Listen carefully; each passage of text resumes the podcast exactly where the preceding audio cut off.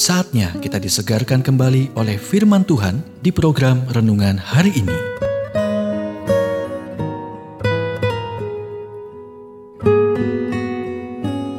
Renungan hari ini berjudul Mengatasi Ketidakamanan Anda, bagian kedua. Nats firman Tuhan diambil dari 2 Korintus 9 ayat 8. Kamu senantiasa berkecukupan di dalam segala sesuatu, dan malah berkelebihan di dalam pelbagai kebajikan. Jika rasa sejahtera Anda berasal dari sumber lain selain Tuhan, termasuk diri Anda sendiri, kemungkinan besar Anda akan selalu bergumul dengan rasa tidak aman. Itulah sebabnya Paulus menulis, dan Allah sanggup melimpahkan segala kasih karunia kepada kamu, supaya kamu senantiasa berkecukupan di dalam segala sesuatu, dan malah berkelebihan di dalam pelbagai kebajikan. Versi internasional baru mengatakannya sebagai berikut. Tuhan mampu memberkati Anda dengan berlimpah sehingga dalam segala hal setiap saat memiliki semua yang Anda butuhkan, Anda akan berlimpah dalam setiap pekerjaan baik. Selama Anda mempercayai diri sendiri atau orang lain, Anda akan berjuang dengan ketidakpastian dan keraguan diri. Tapi begitu Anda mulai percaya pada Tuhan, apa yang Dia akan lakukan di dalam Anda, dengan Anda, melalui Anda, dan untuk Anda, Anda mulai merasa berbeda tentang diri Anda sendiri.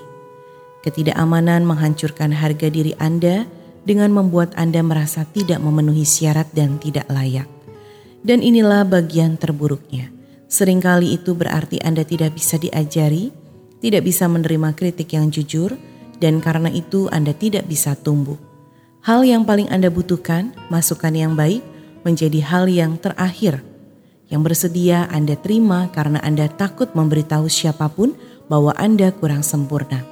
Akibatnya, Anda merasa sulit untuk menghadapi tantangan dan memanfaatkan peluang yang datang kepada Anda. Jauh di lubuk hati, Anda merasa tidak kompeten, tidak diterima, tidak disetujui, dan ditolak. Singkatnya, ketidakamanan adalah pekerjaan batin.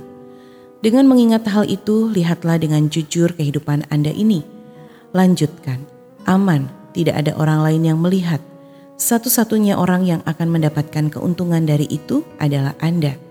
Kemudian berpalinglah kepada Tuhan dan katakan, Tuhan, semua yang saya butuhkan untuk berhasil dalam hidup ini, saya miliki di dalammu.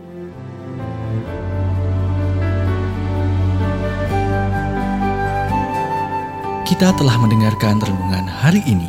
Kiranya renungan hari ini terus mengarahkan kita mendekat kepada Sang Juru Selamat, serta menjadikan kita bertumbuh dan berakar di dalam Kristus.